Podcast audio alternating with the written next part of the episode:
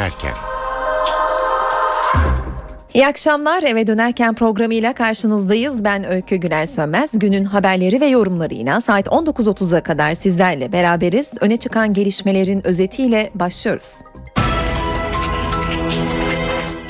Türkiye'nin Patriot talebi Alman Federal Meclisi'nde kabul edildi. Almanya bir yıl süreyle Türkiye'ye iki Patriot bataryası ve 400 asker gönderecek. Patriot talebinin Amerika Birleşik Devletleri'nin ve Hollanda'nın olumlu karşılık vermesi bekleniyor.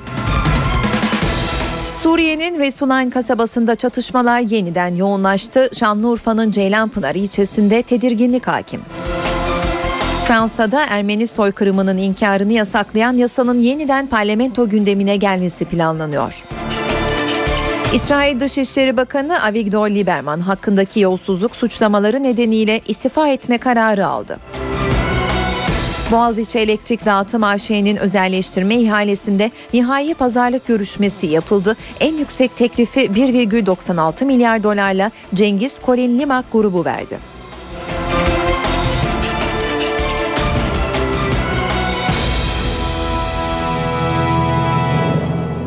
Almanya'nın Türkiye-Suriye sınırına göndermeyi planladığı Patriot'larla ilgili son prosedürde tamamlandı. Alman Federal Meclisi bugün Patriot'larla ilgili tasarıyı görüştü ve Federal Meclis üyeleri Türkiye'ye iki Patriot bataryası ve 400 askerin bir yıl gönderilmesine onay verdi. Karar Federal Meclis'te 461 oyla kabul edildi. Patriot'lar ve 400 askerle birlikte AVAX erken uyarı uçaklarının da Türkiye'ye gelmesi bekleniyor. Alman Patriot bataryaları ve askerleri Türkiye'de 2013 yılı başına kadar görev yapacak. Almanya'daki oylamanın ayrıntılarını ve Patriot'ların ne zaman sevk edileceğine ilişkin bilgileri gazeteci Cem Dalaman anlatıyor. Gerçekten de oylama sonuçlandı ve Almanya, Türkiye, Suriye sınırına e, Patriot savunma füzelerinin konuşlandırılmasına yeşil ışık yaktı. Geçen hafta federal hükümet zaten konuyu e, olağanüstü bir toplantıda ele almıştı ve iki batarya yollanmasını onaylamıştı. E, geçen çarşamba federal parlamentoda tartışması yapıldı olayın ve bugün de e, yine parlamentoda yapılan oylamada milletvekillerinin büyük çoğunluğu Türkiye'ye Patriot e, füze savaş sisteminin ve beraberinde tabii ki Alman askerlerinin e, konuşlandırılmasını, gönderilmesini kararlaştırıldı, kararlaştırdı. E, 461 milletvekili evet oyu kullanırken hayır diyenlerin e, oranı ise 86 ve 8 tane çekimsel oy var. Ee, Sol Parti zaten baştan beri karşı çıkıyordu. 61 milletvekili var. Bu demektir ki e, Sosyal Demokrat ve Yeşillerden de bazı milletvekilleri Patriotların, Patriot sisteminin Türkiye'ye gönderilmesine karşı oy kullandı. Önümüzdeki iki hafta içinde e, yola çıkarılması bekleniyor. E, şimdi bazı detaylar kesinleşti. İki batarya söz konusu. 170 e, Patriot uzmanı asker yollanacak. Ayrıca lojistik destek sağlayacak personel e, söz konusu 180 civarında. Toplam sayı ilk etapta 350 50 uzman askerde e, füze savaş sistemlerinin bir saldırı durumunda kullanılması halinde hemen bölgeye sevk edilebilecek şekilde e, Almanya'da beklemede olacak. E, şimdi zamanlama konusunda ise Ocak ayının ilk ikinci haftasında bu işin tamamlanması bekleniyor. Yani ilk önce nasıl gönderileceği e, Alman ordusu ve tabii ki e, Türkiye ile birlikte e, tartışılacak, konuşulacak. Gemi söz konusu gemiyle e, gelirse daha uzun sürüyor. Karayolundan gelirse çok daha hızlı bir şekilde Türkiye'ye gelmesi bekleniyor. Nerede konuşlandırılacağı da geçen günlerde çeşitli spekülasyonlara neden oldu. E, burada yetkililer, Alman yetkililer kesin bir e, isim vermiyorlar. Kent ismi vermiyorlar. Kahramanmaraş'tan bahsediliyor. Alman Savunma Bakanlığı da Kahramanmaraş'ın uygun olduğunu dillendiriyor. E, 100 kilometre uzaklıkta Suriye sınırına. E, diplomatik çevreler, e, Federal Meclis'teki çevreler, Başbakan Angela Merkel'in Federal Savunma Bakanı'na Demeziyer'e sivil halkın korunması ve Suriye topraklarına müdahale teşkil etmeyecek uzaklıkta bir yer seçilmesi konusunda direktif verdiğini belirtiyorlar. O yüzden Kahramanmaraş e, akılcı geliyor. Almanya'nın ardından gözler Türkiye'ye Patriot gönderecek diğer iki ülke Amerika Birleşik Devletleri ve Hollanda'ya çevrilmiş durumda. Bugün Amerikan medyasında yer alan haberlere göre Washington Türkiye'ye iki Patriot füze bataryasıyla 400 asker göndermeye hazırlanıyor. Hatta Savunma Bakanı Leon Panetta'nın bu yöndeki emri imzaladığı bildirildi. İşte tam da bu noktada Amerikan Savunma Bakanı Leon Panetta bu sabah Adana İncelik üstüne sürpriz bir ziyaret düzenledi. Ayrıntıları Panetta'nın temaslarını izleyen NTV muhabiri Hasan Uylaş anlatıyor. Sürpriz bir ziyaret dün Afganistan'daydı. Dün Afganistan'da Amerika'nın NATO, NATO e, Patriotlarla ilgili iki Patriot bataryasını da Türkiye'ye gönderme kararı almıştı. Bunun altındaki imzayı da, imzada yine Leon Panetta'ya aitti. İşte bu açıklamanın ardından Panetta'nın Türkiye ziyareti önemliydi. E, Amerika Birleşik Devletleri Türkiye'ye iki tane batarya gönderecek. Batarya ile birlikte 400 tane de asker gelecek. Özellikle hatırlanacağı gibi e, Patriot füzeleri İncirlik e, Körfez Savaşı'nda ve 2003 Irak Savaşı'nda gönderilmişti. Amerika olası Amerikan üstlerine olası bir saldırı için İncirlik üstüne Patriot bataryaları konuşlandırmıştı. İşte bugün yine e, Amerikan Savunma Bakanı bu Patriotların gönderileceği İncirlik üstünde yaklaşık 1 saat 20 dakika süren temaslarda bulundu ve Panetta'yı taşıyan uçaktan İncirlik üstünden kalkış yaptı. Bilindiği gibi NATO'nun Türkiye'nin Patriot talebini onaylaması sonrası Hollanda'nın da iki Patriot bataryası ve 360 asker göndereceği bilgisi gelmişti. Bu konuda bir açıklama yapan Hollanda Başbakanı Mark Rutte, Patriot sistemlerinin Ocak sonunda çalışır durumda olacağını söyledi. Bu arada Suriye'de Türkiye sınırına yakın bölgelerde çatışmalar sürüyor. Şanlıurfa ve Hatay yine diken üstünde. Dün de bir mermi çocuklar dersteyken Şanlıurfa'nın Ceylanpınar ilçesinde kültür merkezine isabet etti. Bir top mermisi de Hatay'a bağlı Karbeyaz beldesine düştü. Suriye'nin Resulan kasabasında yeniden başlayan çatışmalar sürüyor. Çatışmaların yanı başındaki Şanlıurfa'nın Ceylanpınar ilçesinde ise tedirginlik hakim. Silah sesleri gün boyunca ilçede yankılandı. Seken mermiler sınıra yakın bazı evlere isabet etti. Mermi isabet eden yerlerden birisi de ilçenin kültür merkezi oldu. Merkezin penceresine isabet eden mermi içeride ders çalışan çocukların büyük korku yaşamasına neden oldu. Biz içerideydik ödevimi yapıyordum aşırı vesaire. Baktım o esnada sesler gelmeye başladı. Cama iki, ikinci bilgisayar odasında cama değdi. Sesler korkmaya başladı. Tedirginlik yaşayan ilçe halkı komşudaki çatışmaların bir an önce bitmesini istiyor. Ceylanpınar ilçesi halkı olarak hepimiz psikolojikmen baskı altındayız. Çocuklarımızı okula gönderemiyoruz. Sadece buradaki savaşın bitmesini istiyoruz. Çatışma bölgesinden Ceylanpınar'a 39 yaralı getirildi. İlçedeki devlet hastanesine kaldırılan yaralılardan ikisi hayatını kaybetti. Sınırda devriyelerini sıklaştıran askeri birlikler ise halkı bölgeye yaklaşmamaları konusunda anonslarla uyarıyor. Sınırın diğer tarafında çatışmaların yaşandığı bir başka bölge ise Hatay'ın karşısında bulunan Celadiye köyü. Bölgeden ateşlenen bir top mermisi Altınöz ilçesine bağlı Karbeyaz beldesine düştü. Bahçeye isabet eden top mermisinin enerji nakil hatlarına zarar vermesi nedeniyle beldede kısa süreli elektrik kesintisi yaşandı.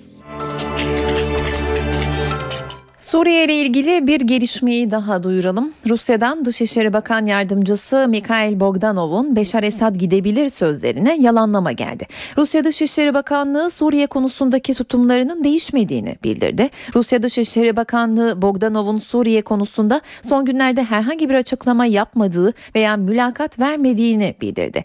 Bogdanov'un dün Esad'ın kontrolü kaybetmekte olduğu ve muhalefetin kazanabileceği yönündeki sözleri haber ajanslarına yansımıştı.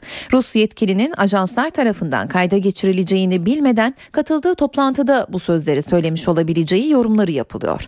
Bu arada NATO Askeri Komitesi Başkanı Nud Bartels, Beşar Esad'a iktidarda kalmasının çok zor olduğunu söyledi.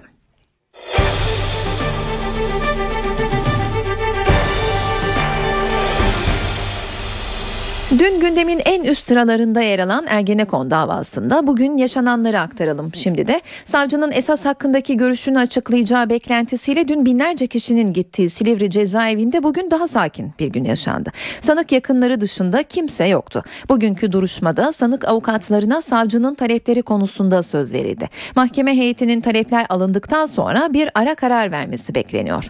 Şimdi Silivri'ye uzanalım ve dava notları için NTV muhabiri Özgür Yılmaz'ı dinleyelim dinleyelim.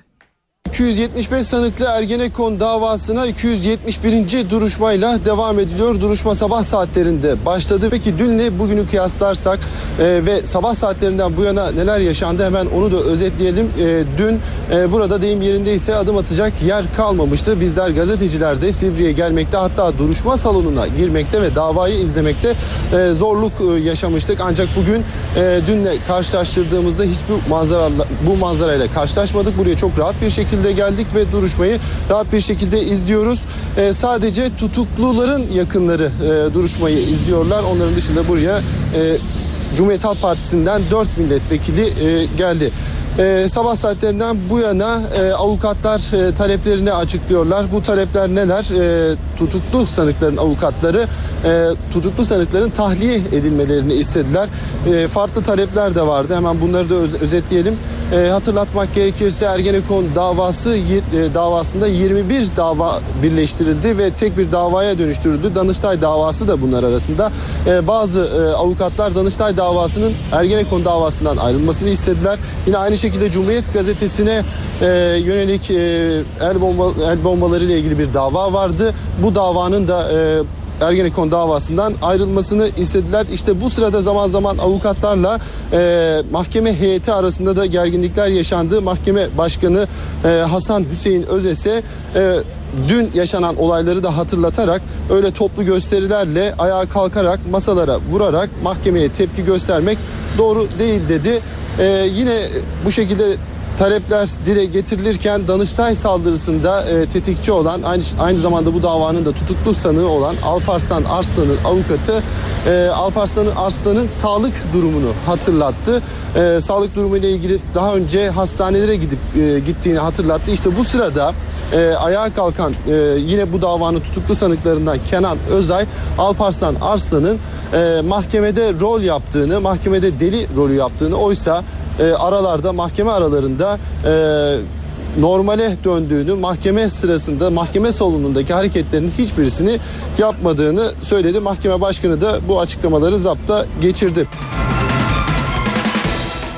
Fransa'da Ermeni soykırım iddiasını inkar yasası yeniden gündemde. Marsilya milletvekili Valérie Boyer konunun parlamento tarafından tekrar gündeme alınması için iki yasa ve bir karar teklifi hazırladı. Le Sénat a adopté définitivement la proposition de loi. Ermeni soykırım iddiaları Fransız parlamentosunda yeniden ısıtılıyor. Ekim 2011, Mart 2012 döneminde iki ülke arasındaki ilişkileri gelen inkar yasasının mimarı Marsilya milletvekili Valérie Boyer yeni bir hamlede bulundu. Boyer, konunun Fransız parlamentosu tarafından yeniden gündeme alınması amacıyla iki yasa ve bir karar teklifi hazırladı. Yasa tekliflerinden birinde ırkçılıkla ve soykırımların inkarı ile ilgili Avrupa Birliği mütesabatının Fransız yasalarına uyarlanması isteniyor.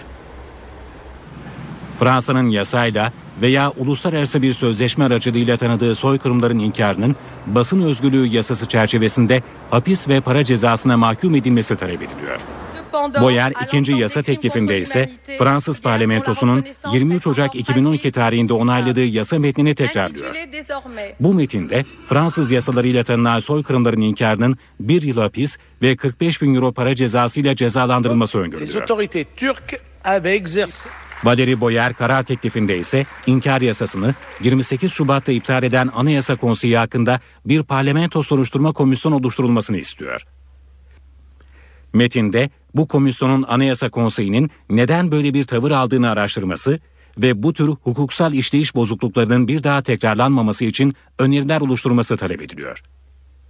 Fransız parlamentosu ve senatosunda kabul edilen inkar yasa tasarısı Anayasa Konseyi tarafından iptal edilmişti.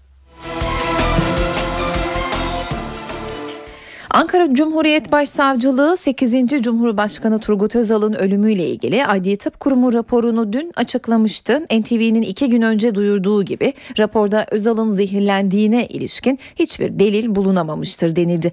Peki şimdi ne olacak? Soruşturma nasıl ilerleyecek sorusu gündeme geldi. Şimdi de bu soruların yanıtlarını NTV muhabiri Gökhan Gerçek araştırdı. Soruşturmalar iddiayla başlar, iddiayla başlar ama delille bir sonuca ulaşır. Burada bir iddia vardı. Turgut Özal'ın oğlu ve eşi tarafından gündeme getirilen bir iddiaydı bu. Zehirlenme iddiası. Bu iddianın tek bir delili vardı. O da Turgut Özal'ın kendisi evet kendi vücudu, kendi vücudu üzerine yapılacak tetkikler sonucunda zehirlenip zehirlenmediği ortaya konulacaktı ve savcı talimat verdi. O delil naaş mezardan çıkarıldı. Numuneler alındı. Bağımsız ve birbirinden habersiz laboratuvarlara gönderildi. Tüm sonuçlar birinci ihtisas kurulunda toplandı ve bilim adamları konusunda uzman bilim adamları ortak kanaat getirdi. Özal zehirlenmemiştir dedi. Dün raporun ayrıntıları Ankara Cumhuriyet Başsavcılığı tarafından kamuoyuyla paylaşıldı. Hiçbir tereddüt yoktu aslında raporda bugüne kadar Özal'ın vücudunda bazı dokularında zehir bulunduğu şeklinde iddialar vardı ama bunların da doğru olmadığı dün yapılan açıklamayla ortaya çıktı. Özal zehirlenmemiştir. Radyoaktif madde sebebiyle öldürülmemiştir. Herhangi bir darp sebebiyle öldürülmemiştir. Vücudunda evet bazı maddeler bulundu ama her insanda bulunabilecek maddelerdir bunlar. Türk insanında ve yabancı insanlarda da onların cesetlerinde yapılan incelemede de benzer değerler bulunabilir. Özal'da bulunan kadmiyum ma- maddesi ve DDT maddesi de yine normal standartlar içerisindedir denildi raporda. Tabi 1993 yılında Özal kalp krizinden öldü deniliyordu. Bu iddia vardı e, Adli Tıp Kurumu tarafından.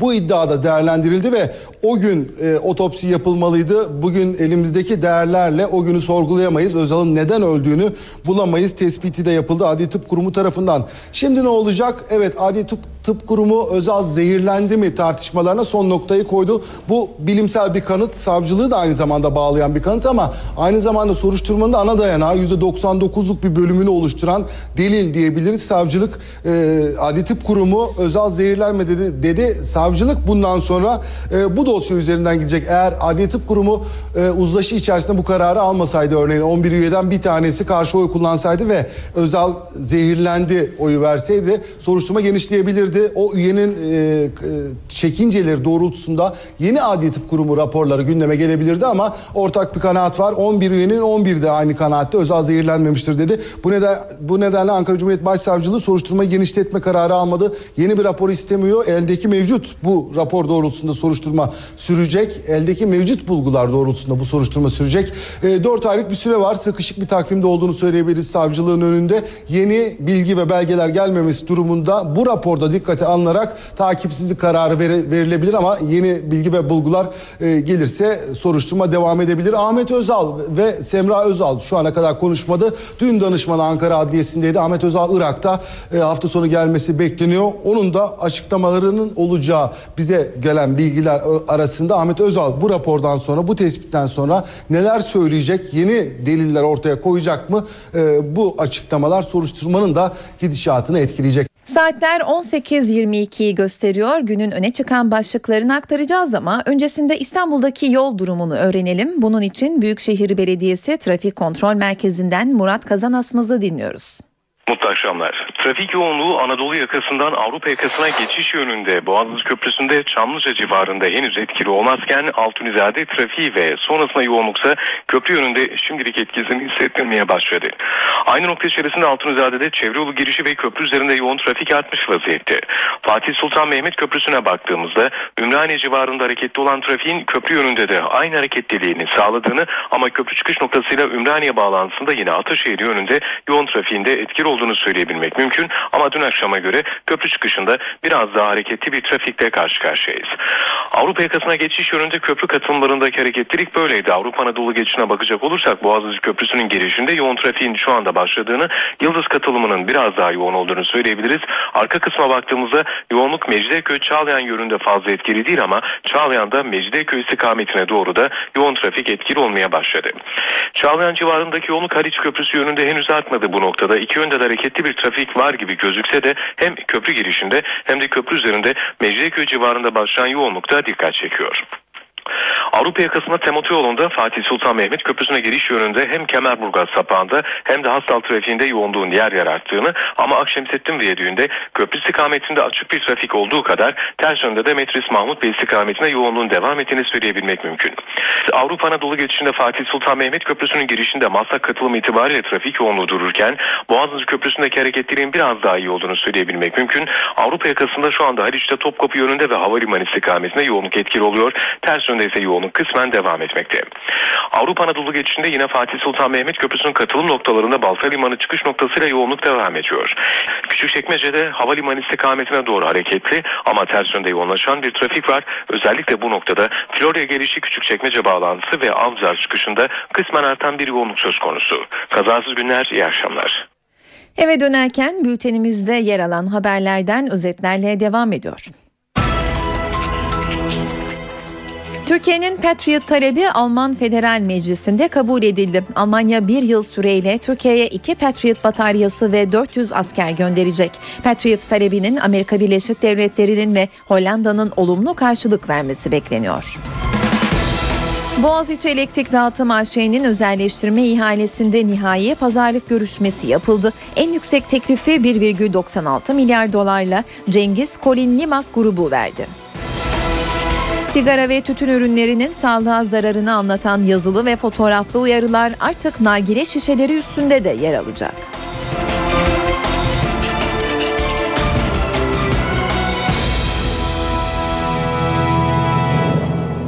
İstanbul'un Avrupa yakasındaki bütün ilçe ve köylere elektrik dağıtımını yapan devlet kurumu TEDAŞ'a bağlı küçük bir alanda ama çok yoğun bir nüfusa hizmet veren Boğaziçi Elektrik Dağıtım AŞ'nin veya kısa adıyla BEDAŞ'ın özelleştirme ihalesinde nihai pazarlık görüşmesi yapıldı. En yüksek teklifi 1,96 milyar dolarla Cengiz Kolin Limak grubu verdi. Ayrıntılar NTV muhabiri Ahmet Ergen'de. Boğaziçi Elektrik Dağıtım Şirketi Türkiye'nin en büyüğü. Hem abone sayısı açısından hem tüketilen elektrik miktarı açısından 4 milyon 200 bin abonesi var. 16,7 milyar kilowatt saat yıllık tüketim gerçekleştiriliyor bu bölgede.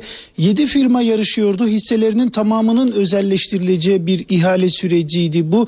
7 firma ile başlayan ihale sürecinin nihai pazarlık görüşmeleri sonunda e, ipi göğüsleyen Cengiz Kolin Limak ortak girişim grubu oldu.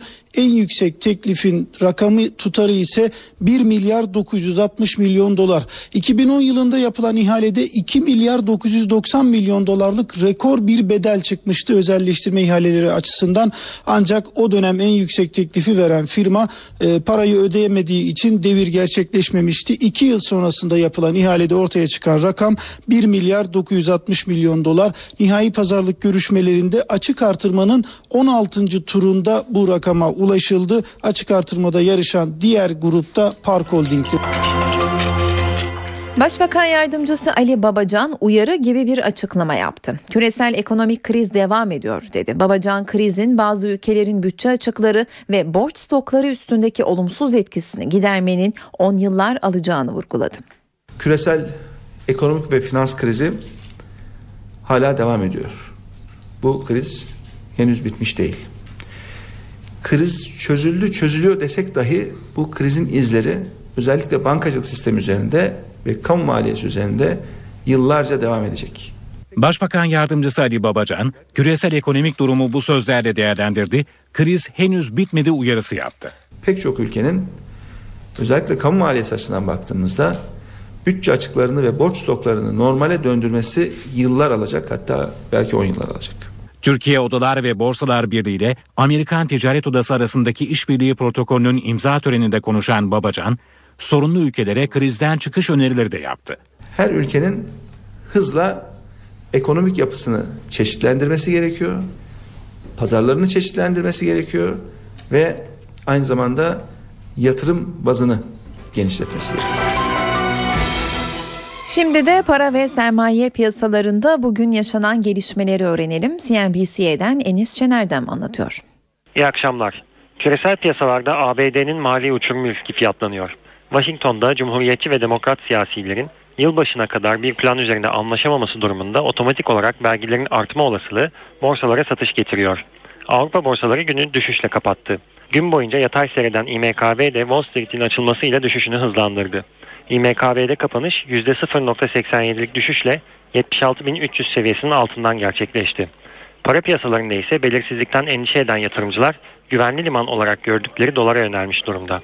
Euro dolar paritesi 1.31 seviyesinin altına geriledi.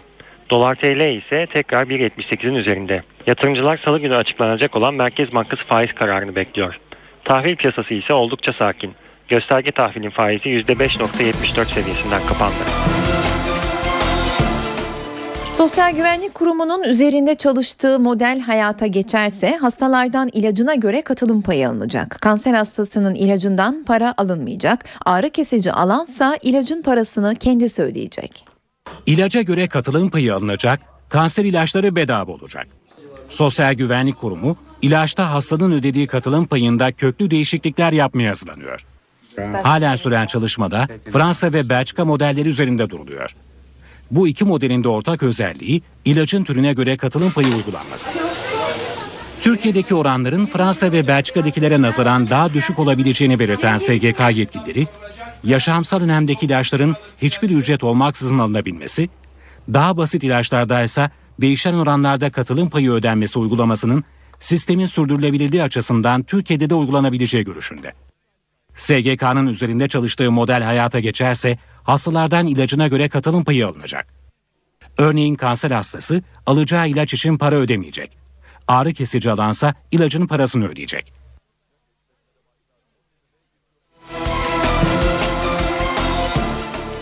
Banka ile müşteri arasındaki en önemli şikayet konuları arasındaki kredi kartı aidatı, hesap işletim ücreti ve dosya masrafı gibi ödemeler yeniden gündemde. Ağustos ayında hazırlanan yasa taslağı için o günden bu yana görüş alınıyor ancak Bankalar Birliği ücret ve komisyon almaya devam edeceğiz diyor. Kredi kartı yıllık aidatı, hesap işletim ücreti, ATM nakit çekim masrafı, EFT havale ücreti. Bankaların vatandaşlardan 31 ayrı başlıkta aldığı ücretlerden bir kısmı bunlar. Yaklaşık 17 milyar liralık gelir yaratan faiz dışı bu kazançlar bankalarla vatandaşları sık sık karşı karşıya getiriyor. Gümrük ve Ticaret Bakanlığı'nın hazırladığı yeni tüketici yasa taslağı bu işlemlerden ücret alınmamasını öngörüyor. Ancak Ağustos ayından itibaren kurumların görüşüne açılan taslak yeniden yazılacak. 96 kurumdan gelen görüşler değerlendirilecek, Aralık ayı ortasına kadar düzenleme Başbakanlığa sunulacak. Bankalar Birliği'nden gelen mesajsa ücret ve komisyon alımının devam edeceği yönünde. Yaptığımız yatırımlar karşılığında verdiğimiz hizmetlerden ücret almak bizim ticaret yapan müesseseler olarak en tabii ve doğal hakkımız. Hak edilmiş bir ücretin, hak edilmiş bir şeyin veya bir şey alınacaksa bunun ve bir bedeli varsa o bedelin ödenerek alınmasından yanayız. Koruyucu aile uygulamasında koşullar değişti. Korunmaya muhtaç çocuklar sözleşme imzalanarak koruyucu aileye verilecek. Çocuğun istismar edildiği belirlenirse koruyucu ailenin yanından alınacak. Çocuğun tüm masraflarını devlet karşılayacak. Aileye de çocuğun yaşına göre aylık ödeme yapılacak. Çeşitli nedenlerle öz ailesinin yanında bakımı sağlanamayan çocuklara aile ortamında bakım, eğitim, yetiştirme sağlanabilmesi için geliştirilen koruyucu aile uygulaması yenilendi. 25-65 yaş aralığında en az ilkokul mezunu, evli ya da bekar, çocuklu veya çocuksuz bütün Türk vatandaşları koruyucu aile olabilecek. Koruyucu aile olmak isteyenler önce bir eğitim alacak. İlk etapta koruyucu aile olmak isteyenler çocuklarla vakit geçirecek, aileyle çocuk arasında uyum sağlanacak. Çocuklar bir sözleşme imzalanarak koruyucu aileye verilecek. Koruyucu aile yanına verilen çocuklar sürekli izlenip denetlenecek. Koruyucu ailenin çocuğu istismar ettiği, öz ailesiyle ilişkilerini zedelediği belirlenirse çocuk hemen geri alınacak. Koruyucu aile talep ederse çocuğun bakım, eğitim ve yetiştirme masrafları devlet tarafından karşılanacak. Koruyucu ailelere mevcut uygulamada 300 ile 550 lira arasında ödenen aylık tutar artırıldı. 3 yaşına kadar olan çocuklar için en yüksek devlet memuru maaşının yarısı koruyucu aileye verilecek. Ödeme 4-5 yaşındaki çocuklar için en yüksek devlet memuru maaşının %75'i, 6-14 yaşındakiler için %80'i, 15-18 yaşındakiler için %85'i ve 19 yaşından büyükler için %90 olacak. Özürlü çocuklar için ödeme, özür ve yaş durumuna göre iki katına kadar çıkacak. Çocuklar için öğretim yılı başında bir kerelik eğitim masrafı, Şubat ve Ağustos aylarında da giyim ücreti ödemesi yapılacak. Şu anda 1474 olan koruyucu aile sayısını artırmak için bir yıl içinde eğitimlere başlanacak. İçişleri Bakanlığı Polis Koleji'ne girecek adaylarda aranan şartları yeniden belirledi. Yeni kriterlere göre alkol ve kumar alışkanlığı olanlar bir defa bile olsa uyuşturucu kullananlar kolejlere alınmayacak. Yeni kriterlere göre herhangi bir terör eylemine mitinge katıldığı belirlenenler de polis olamayacak. Alkol ve kumar alışkanlığı olan, bir kez bile uyuşturucu kullanan, genel ev ve benzeri yerlerde aracılık ve bekleyicilik gibi işler yapanlar polis kolejine giremeyecek. İçişleri Bakanlığı'nca hazırlanan Polis Koleji'ne giriş yönetmeliği resmi gazetede yayınlandı. Yeni yönetmelikte yürürlükten kaldırılan 1998 tarihli yönetmeliğin aksine Polis Koleji'ne girişte ilginç ayrıntılara yer veriliyor. Polis Koleji'ne alınacak öğrencilerde alkol ve kumar alışkanlığı bulunmamasının yanı sıra uyuşturucu ve psikotrop maddeleri hiç kullanmamış olma şartı aranıyor. Anarşi ve terör eylemleriyle bu tür toplantı, yürüyüş ve mitinglere karışan, destekleyen ve katılanlar da polis kolejine giremeyecek.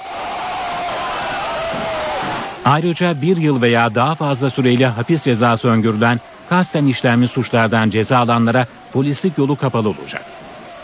Devlet memurları kanununda sayılan suçlardan dolayı affa uğramış veya yasaklanmış haklar geri verilmiş olsa dahi mahkumiyeti bulunanlar, hakkında hükmün açıklanmasının geri bırakılmasına karar verilenler, kovuşturması uzlaşmayla sonuçlananlar ve kamu haklarını kullanmaktan yoksun bırakılanlar da polis adayı olamayacaklar. Türkiye'nin Patriot talebi Alman Federal Meclisi'nde kabul edildi. Almanya bir yıl süreyle Türkiye'ye iki Patriot bataryası ve 400 asker gönderecek. Patriot talebinin Amerika Birleşik Devletleri'nin ve Hollanda'nın olumlu karşılık vermesi bekleniyor. Fransa'da Ermeni soykırımının inkarını yasaklayan yasanın yeniden parlamento gündemine gelmesi planlanıyor. İsrail Dışişleri Bakanı Avigdor Lieberman hakkındaki yolsuzluk suçlamaları nedeniyle istifa etme kararı aldı. Anayasa referandumuna saatler kala Mısır sokakları yine hareketli. Başkent Kahire'de referandumu destekleyen İslamcılar ve buna karşı çıkan muhalifler ayrı yerlerde gösteri yapıyor.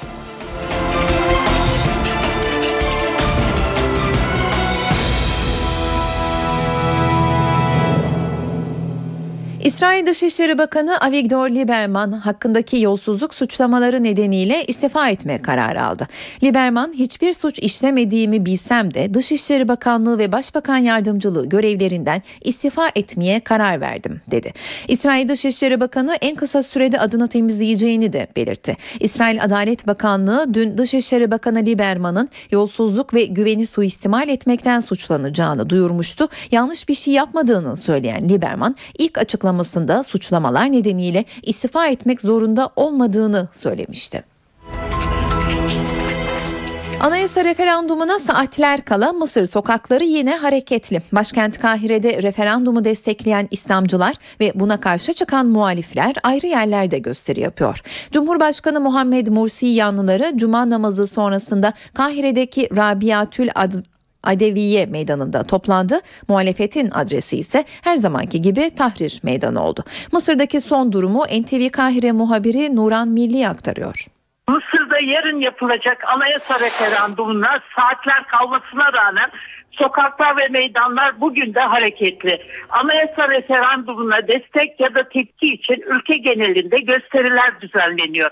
Muhalif gruplar Kahire'nin çeşitli noktalarından yürüyerek Başkanlık Sarayı'na yakın referanduma hayır sloganı altında yapılan gösteride bir araya geliyor. Göstericiler yeni anayasanın olumsuzluklarına ilişkin bilgilendirme broşürleri de dağıtıyor. Ayrıca halkın oylamaya katılıp red oyu vermesi çağrısı yapıyor.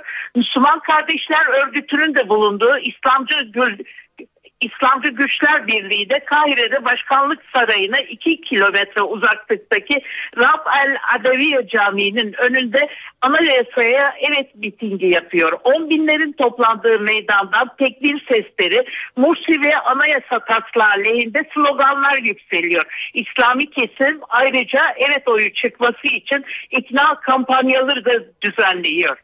Diğer kentlerde de yapılan gösterilere katılımın yüksek olduğu bildiriliyor. İskenderiye'de İslami kesimle muhalifler arasında çatışmalar yaşandığı, arabaların yakıldığı, yaralıların olduğu da gelen haberler arasında.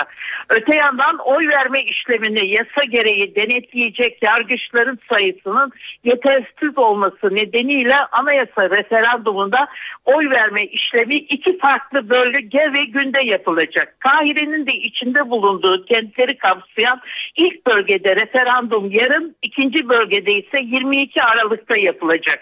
Ülke dışında yaşayan Mısırlılar da çarşamba gününden bu yana oy kullanıyor.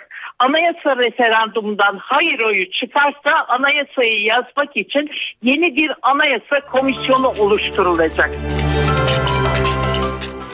Batı Şeria'nın El Halil kentinde Filistinliler İsrail askerleriyle çatıştı. İsrail askerleri taş atan Filistinlilere göz yaşartıcı gazla karşılık verdi. Batı Şeria'nın El Halil kentinde Filistinlilerle İsrail askerleri karşı karşıya geldi. 17 yaşında Filistinli bir gencin öldürülmesini protesto eden Filistinliler lastik yaktı, İsrail askerlerine taş attı.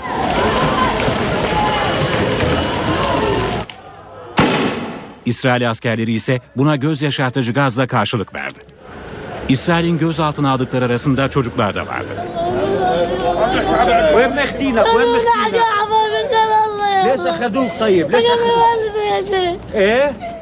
İsrail ordusu öldürülen Filistinli gencin bir kontrol noktasında askerlere silah doğrultması üzerine vurulduğunu, daha sonra yapılan incelemede tabancanın sahte olduğunun anlaşıldığını duyurdu.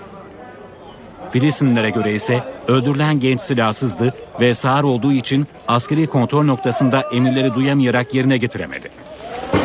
El Halil, Batı Şeria'da en çok çatışmaların yaşandığı kentlerden biri olarak biliniyor. İspanya'da krizle boğuşan hükümetin eğitim kesintileri protesto edildi. Eğitim Bakanlığı'na yürüyen eylemciler bakanı istifaya çağırdı. Madrid metrosu çalışanları da greve gitti. İspanya'nın başkenti Madrid'de öğrenciler, öğretmenler ve veliler sokaktaydı. Kalabalığın hedefinde ekonomik krizle mücadele eden hükümetin eğitim alanının yaptığı kesintiler vardı. Eğitimde kalite her geçen gün düşüyor. Böyle devam edemez. Hükümetin baskısı devam ederse halk bir yerde patlayacak ve o gün koydukları tüm önlemleri geri almak zorunda kalacaklar. Eğitim Bakanlığı'na yürüyen göstericiler Bakan Jose Ignacio Bert'in istifasını istedi.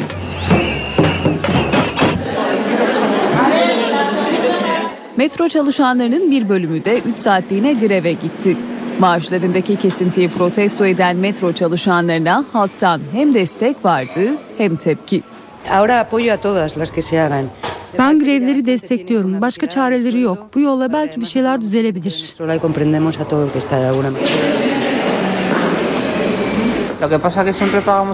Onlar grev yapıyor, sıkıntısını biz çekiyoruz. Hep grev var. Normalde 45 dakika uzaklıkta olan evime bu grevler yüzünden 2 saatte gidiyorum. Madrid yönetimi krizle mücadele çerçevesinde maaşlarda kesintiye gitmek zorunda kalındığını savunuyor. Metro çalışanları ise bu ay içerisinde yeniden greve gitmeye hazırlanıyor. Türk dizileri Yunanistan'ı karıştırdı. Öyle ki Yunanistan Devlet Televizyonu ERT'nin genel müdürü Kostas Spiropoulos'u koltuğundan etti. Mali İşler Başkanlığı'nın onayı olmadan ERT'yi Türk dizileri hakkındaki belgeselin yapımcıları arasına sokan Spiropoulos görevinden alındı. Ayrıntıları NTV Atina muhabiri Stelio Berberakis'ten alıyoruz.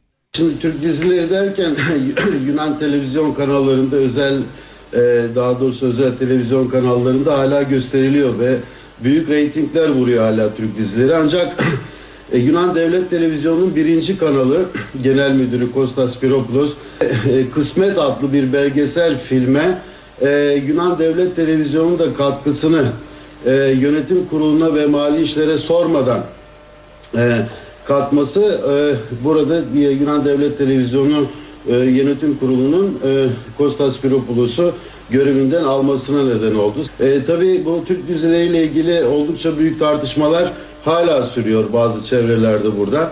Ancak demin de söylediğim gibi e, özel televizyon kanallarında hala e, e, Süleyman gibi e, veya diğer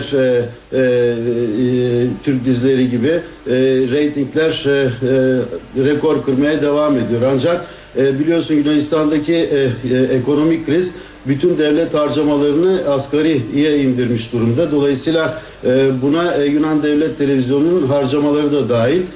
Kostas Piropoulos'un mali işlere özellikle yönetim kuruluna sormadan e, Kısmet e, adlı belgesel filme Yunan Devlet Televizyonu'nda katması e, işte o zaman e, bu e, e, fitili e, e, tutuşturmuş oldu. E, dolayısıyla yani e, benim söylemek istediğim e, kısmet değil de ne bileyim bir Alman yapımı veya bir Fransız yapımı e, bir belgesel, belgesel olsaydı yine aynı sonuca varacaktı. Kaldı ki bu Kısmet adlı belgesel e, yalnız e, Türkiye değil e, Almanya, Polonya, Bulgaristan, İsveç ve Finlandiya'nın da ortak yapımıyla hazırlanan bir belgesel. E, dolayısıyla Yunanistan'ın da bu ekonomik kriz nedeniyle devlet e, televizyonunun e, bu e, belgesele özellikle yönetim kuruluna ve mali işlere sorulmadan katkı sağlaması genel müdürün de işinden olmasına neden oldu diyebiliriz. Noel yaklaşıyor ve Yunanistan'dan bir türlü canlanmayan piyasanın haberleri geliyor. Komşu Noel alışverişi için bu yıl ikinci el ürünleri tercih ediyor. Yaklaşmakta olan yeni yıl Yunanistan'da piyasaya hareketlilik getirmedi. Ekonomik kriz ve kemer sıkma politikalarıyla alım gücü düşen Yunan halkı mağazalardan uzak duruyor. Oh Τίποτα, γιατί μας τα έχουν κόψει, μας τα έχουν πάρει όλα. Maaşımızı kestiler, ikramiyelerimizi kestiler, yeni vergiler yüklediler. Bu durumda nasıl alışverişe gidebilirim? Alemde kimse çalışmıyor. Halimiz çok kötü. Vitrinlere bakmakla yetinmek zorundayım. Όλοι τα παιδιά μου, οι γαμπροί μου, τα εγγόνια μου. Yunanistan'da revaçta olansa ikinci el kıyafetler ve eşyalar satan dükkanlar. Noel alışverişleri de büyük alışveriş merkezleri ve pahalı mağazalardan ikinci el satan dükkanlara kaydı. Burada alışveriş yapıyoruz çünkü ucuz. Diğer mağazalara paramız yetmiyor. Burada verilen hizmet çok güzel. Farklı renkler, farklı seçenekler bulabiliyoruz. Yunanistan'da ticaret odaları 2011 Noel dönemindeki satış rakamlarının yakalanmasının kendileri için yeterli olacağını söylüyor. Kıbrıs Rum kesimi Avrupa Birliği dönem başkanlığına veda ediyor. Rum lider Dimitris Christofias yaptığı veda konuşmasında Avrupa Birliği'ne sitem etti. Dönem başkanlığım sırasında beni sırtımdan hançerlediler dedi. Christofias herkes Avrupa Birliği'ne girerek altın kaşıkla yemek yiyeceğini sanıyor. Ancak kriz nedeniyle tahta kaşıkla bile yemek yiyemeyeceğiz ifadesini kullandı. Ekonomik kriz nedeniyle zor günler geçiren Kıbrıs Rum kesiminde fatura Avrupa Birliği'ne çıkartıldı. Rum yönetimi lideri Dimitris Christofias, 6 aylık Avrupa Birliği dönem başkanlığının sona ermesi nedeniyle düzenlediği basın toplantısında Avrupa Birliği'ne yüklendi. Birlik içinde bazı ülkelerin Rum kesimine güvenmediğini iddia eden Christofias, Rum kesiminde para akladığımızı iddia ettiler.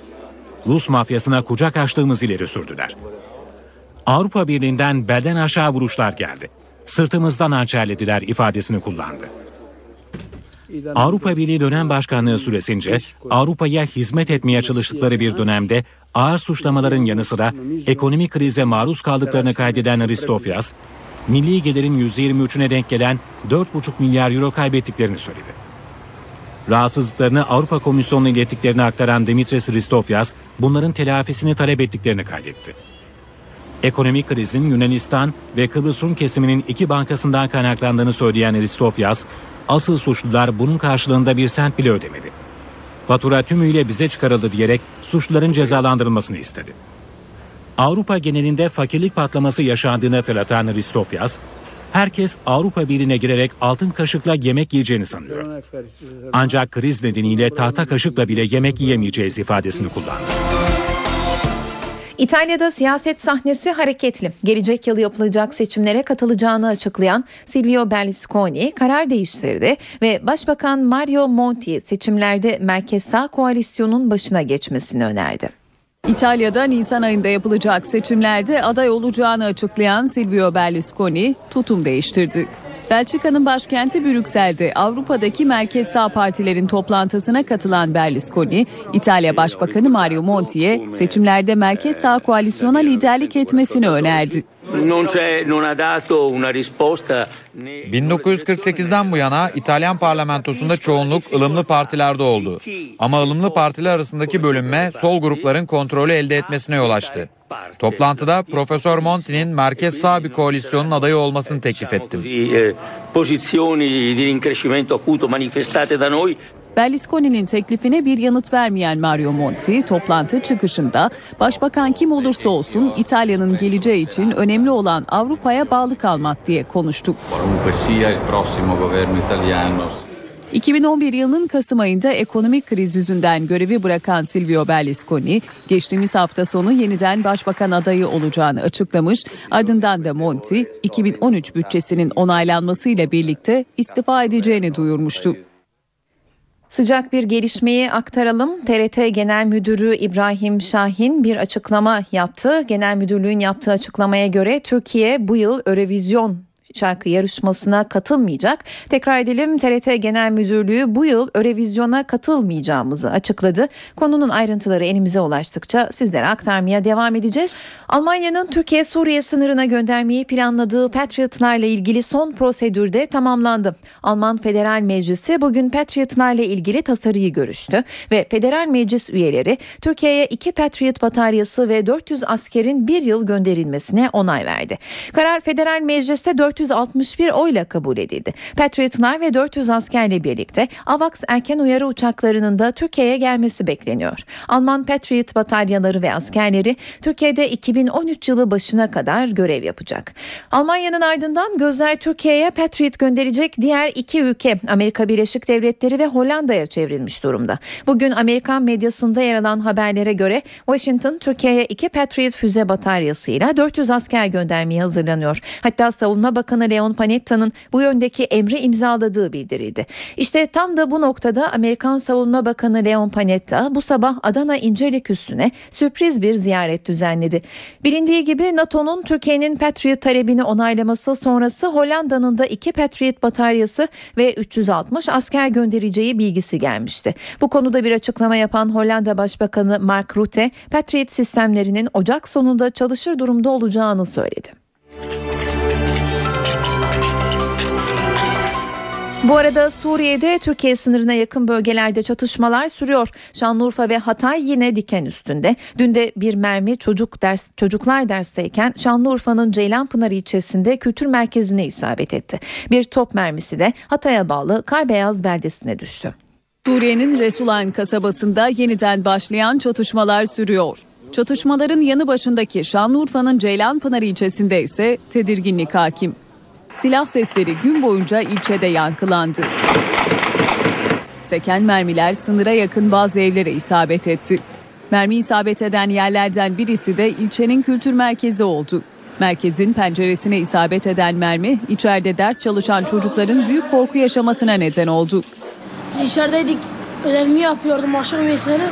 Baktım o esnada sesler gelmeye başladı. Cama iki, ikinci bilgisayar odasında cama değdi sesler korkmaya başladı. Tedirginlik yaşayan ilçe halkı komşudaki çatışmaların bir an önce bitmesini istiyor. Ceylanpınar ilçesi halkı olarak hepimiz psikolojik ve baskı altındayız. Çocuklarımızı okula gönderemiyoruz. Sadece buradaki savaşın bitmesini istiyoruz. Çatışma bölgesinden Ceylanpınar'a 39 yaralı getirildi. İlçedeki devlet hastanesine kaldırılan yaralılardan ikisi hayatını kaybetti. Sınırda devriyelerini sıklaştıran askeri birlikler ise halkı bölgeye yaklaşmamaları konusunda anonslarla uyarıyor. Sınırın diğer tarafında çatışmaların yaşandığı bir başka bölge ise Hatay'ın karşısında bulunan Celadiye köyü. Bölgeden ateşlenen bir top mermisi Altınöz ilçesine bağlı Karbeyaz beldesine düştü. Bahçeye isabet eden top mermisinin enerji nakil hatlarına zarar vermesi nedeniyle beldede kısa süreli elektrik kesintisi yaşandı. İstanbul'un Avrupa yakasındaki bütün ilçe ve köylere elektrik dağıtımını yapan devlet kurumu TEDAŞ'a bağlı küçük bir alanda ama çok yoğun bir nüfusa hizmet veren Boğaziçi Elektrik Dağıtım AŞ'nin veya kısa adıyla BEDAŞ'ın özelleştirme ihalesinde nihai pazarlık görüşmesi yapıldı. En yüksek teklifi 1 milyar 96 1.96 milyar dolarla Cengiz Kolin Limak grubu verdi. Ayrıntılar NTV muhabiri Ahmet Ergen'de.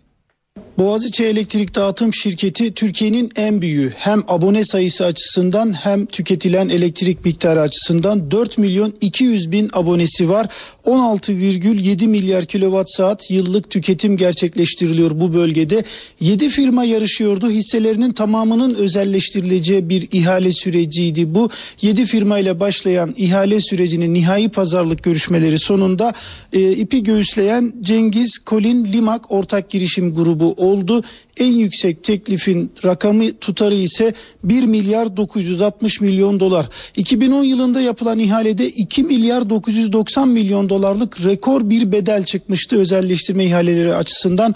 Ancak o dönem en yüksek teklifi veren firma e, parayı ödeyemediği için devir gerçekleşmemişti. 2 yıl sonrasında yapılan ihalede ortaya çıkan rakam 1 milyar 960 milyon dolar. Nihai pazarlık görüşmelerinde açık artırmanın 16. turunda bu rakama ulaşıldı. Açık artırmada yarışan diğer grupta Park Holding'ti.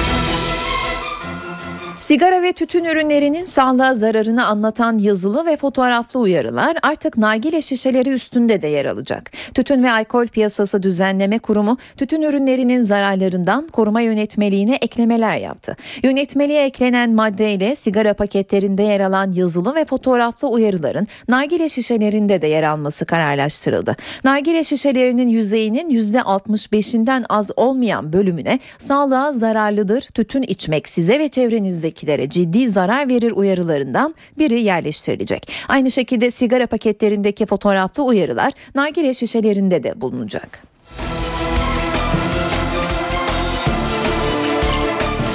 Şimdi yurt genelindeki hava tahminleri için NTV Meteoroloji Editörü Gökhan Abur'u dinliyoruz. İyi akşamlar. Soğuk hava kuzey ve iç kesimlerdeki etkisini yarın da sürdürecek. Pazar günü Lodos'la birlikte Ege'den başlayarak sıcaklıkların yeniden yükselmesini bekliyoruz. Bu gece Doğu Karadeniz ve Doğu Anadolu'nun kuzey kesimlerine yağışlar soğumayla birlikte kıyı kesimlerde karla karışık yağmur, yüksek ve iç kesimlerde ise kar şeklinde olacak. Yarın yerine önemli bir yağış beklemiyoruz. İç ve doğu bölgelerde sis, don ve buzlanma yine etkili olacak. Ardahan, Kars, Ağrı ve Van arasında hafif yağışlar görülebilir ki bu yağışlar kar şeklinde olacak. Pazar günü doğuda kar yağışı aralıklarla devam ederken batı bölgeler kuvvetli olursa birlikte Trakya ve Güney Ege'den başlayarak yeniden sağanakların etkisine girecek. Yağışların pazartesi günü Akdeniz ve iç kesimleri de etkisi altına alarak giderek kuvvetlenmesini bekliyoruz. Evet İstanbul'da İstanbul hava oldukça soğuktu. Yarın 1-2 derecelik yükseliş var ama pazar günü sıcaklıklar yine 10 derecelere kadar çıkacak. Yarın beklediğimiz en yüksek sıcaklık 7 derece. Gece ise sıcaklık yine 1 derece olacak. Ankara'da bu gece don ve buzlanma başlıyor. Sıcaklık yarın 2 dereceyi geçemeyecek. İzmir'de bu gece oldukça soğuk. Sonraki 2 gün güneşli geçecek ama sıcaklık yarın 10 derece olacak. Hepinize iyi akşamlar diliyorum. Hoşçakalın. Şimdi kültür sanat dünyasından derlediğimiz bazı haberlerle devam edelim.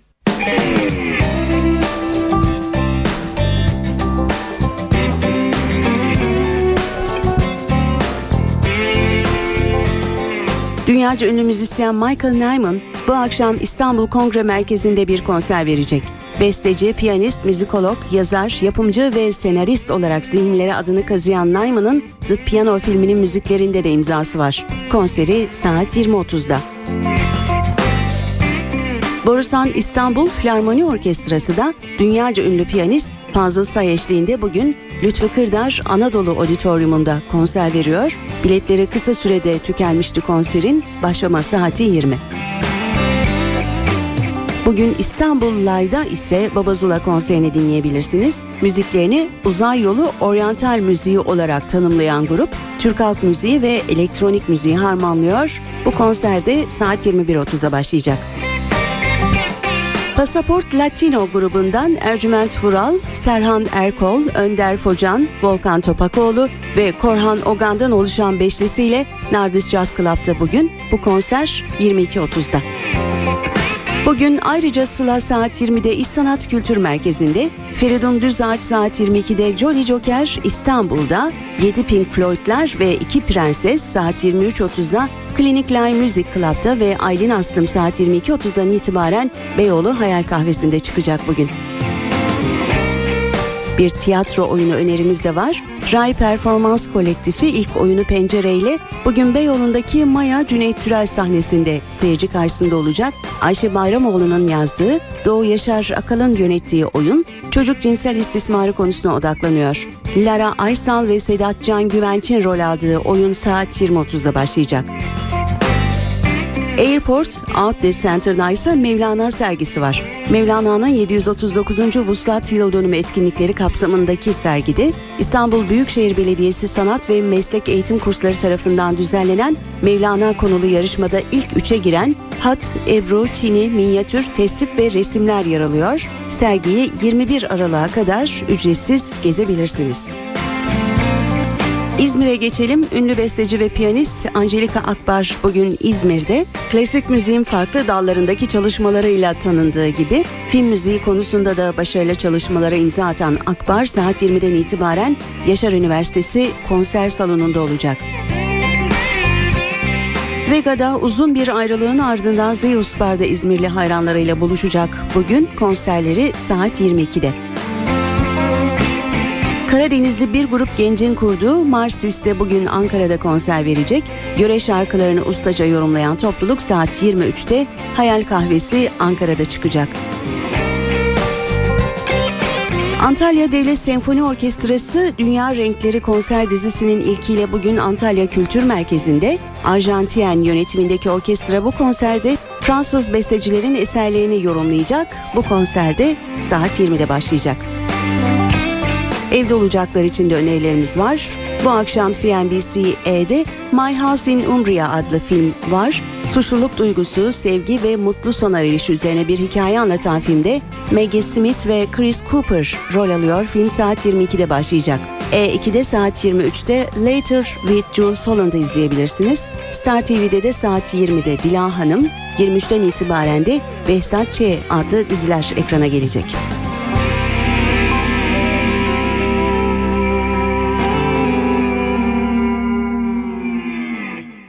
Sırada haftalık sinema köşemiz var. Bu hafta vizyonda 3 yerli 5 yeni film var.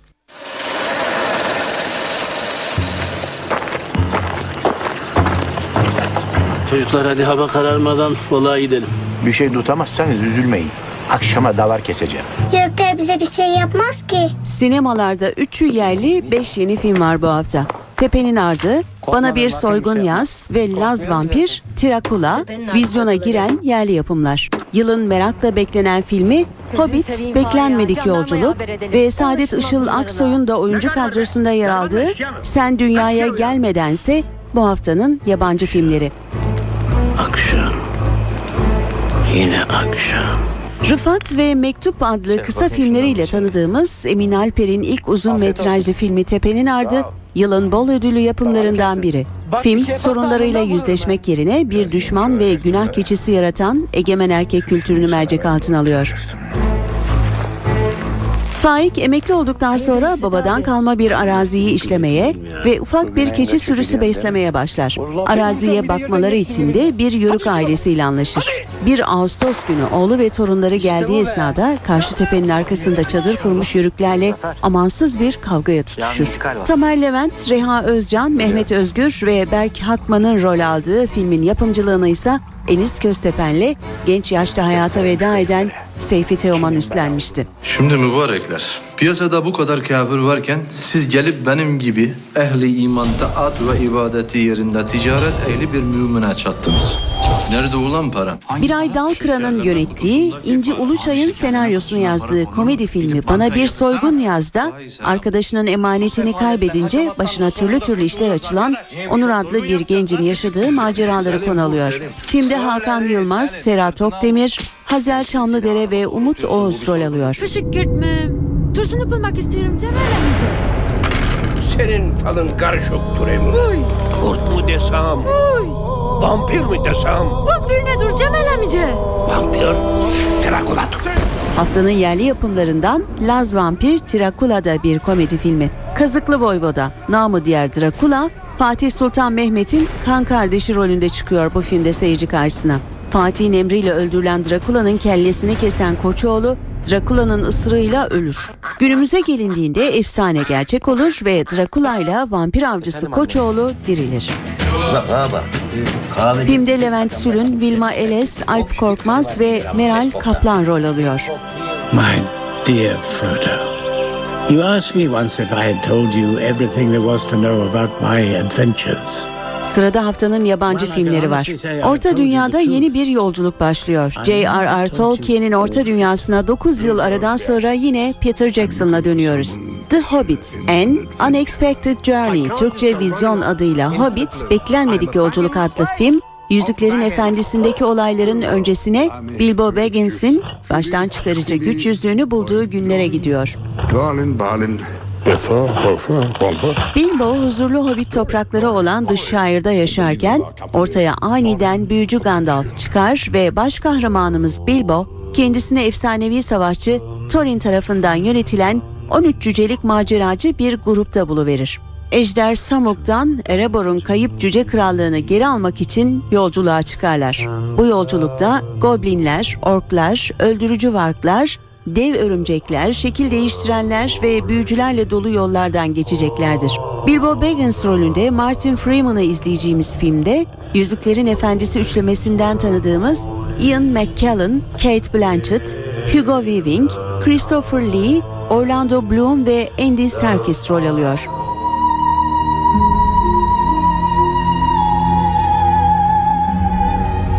İtalyan yönetmen Sergio Castellito'nun eşi Margaret Mazzanti'nin aynı isimli romanından sinemaya uyarladığı Sen Dünyaya Gelmeden adlı filmse Bosna Savaşı sırasında yaşanan trajik bir hikayeyi anlatıyor. Gema ve Diego Saraybosna'da tanışmışlardır. Gema'nın hayatı Diego'ya aşık olmasıyla beklenmedik şekilde değişmiştir. Fakat Diego Bosna Savaşı sırasında hayatını kaybeder. Gema ise başka bir ülkeye savrulur.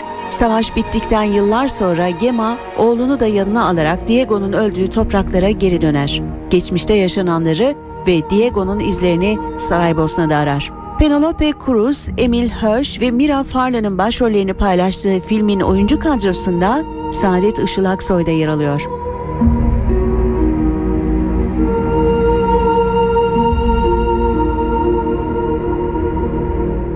Eve dönerken programının sonuna geldik. Ben Öykü Güler Sönmez. Herkese iyi akşamlar.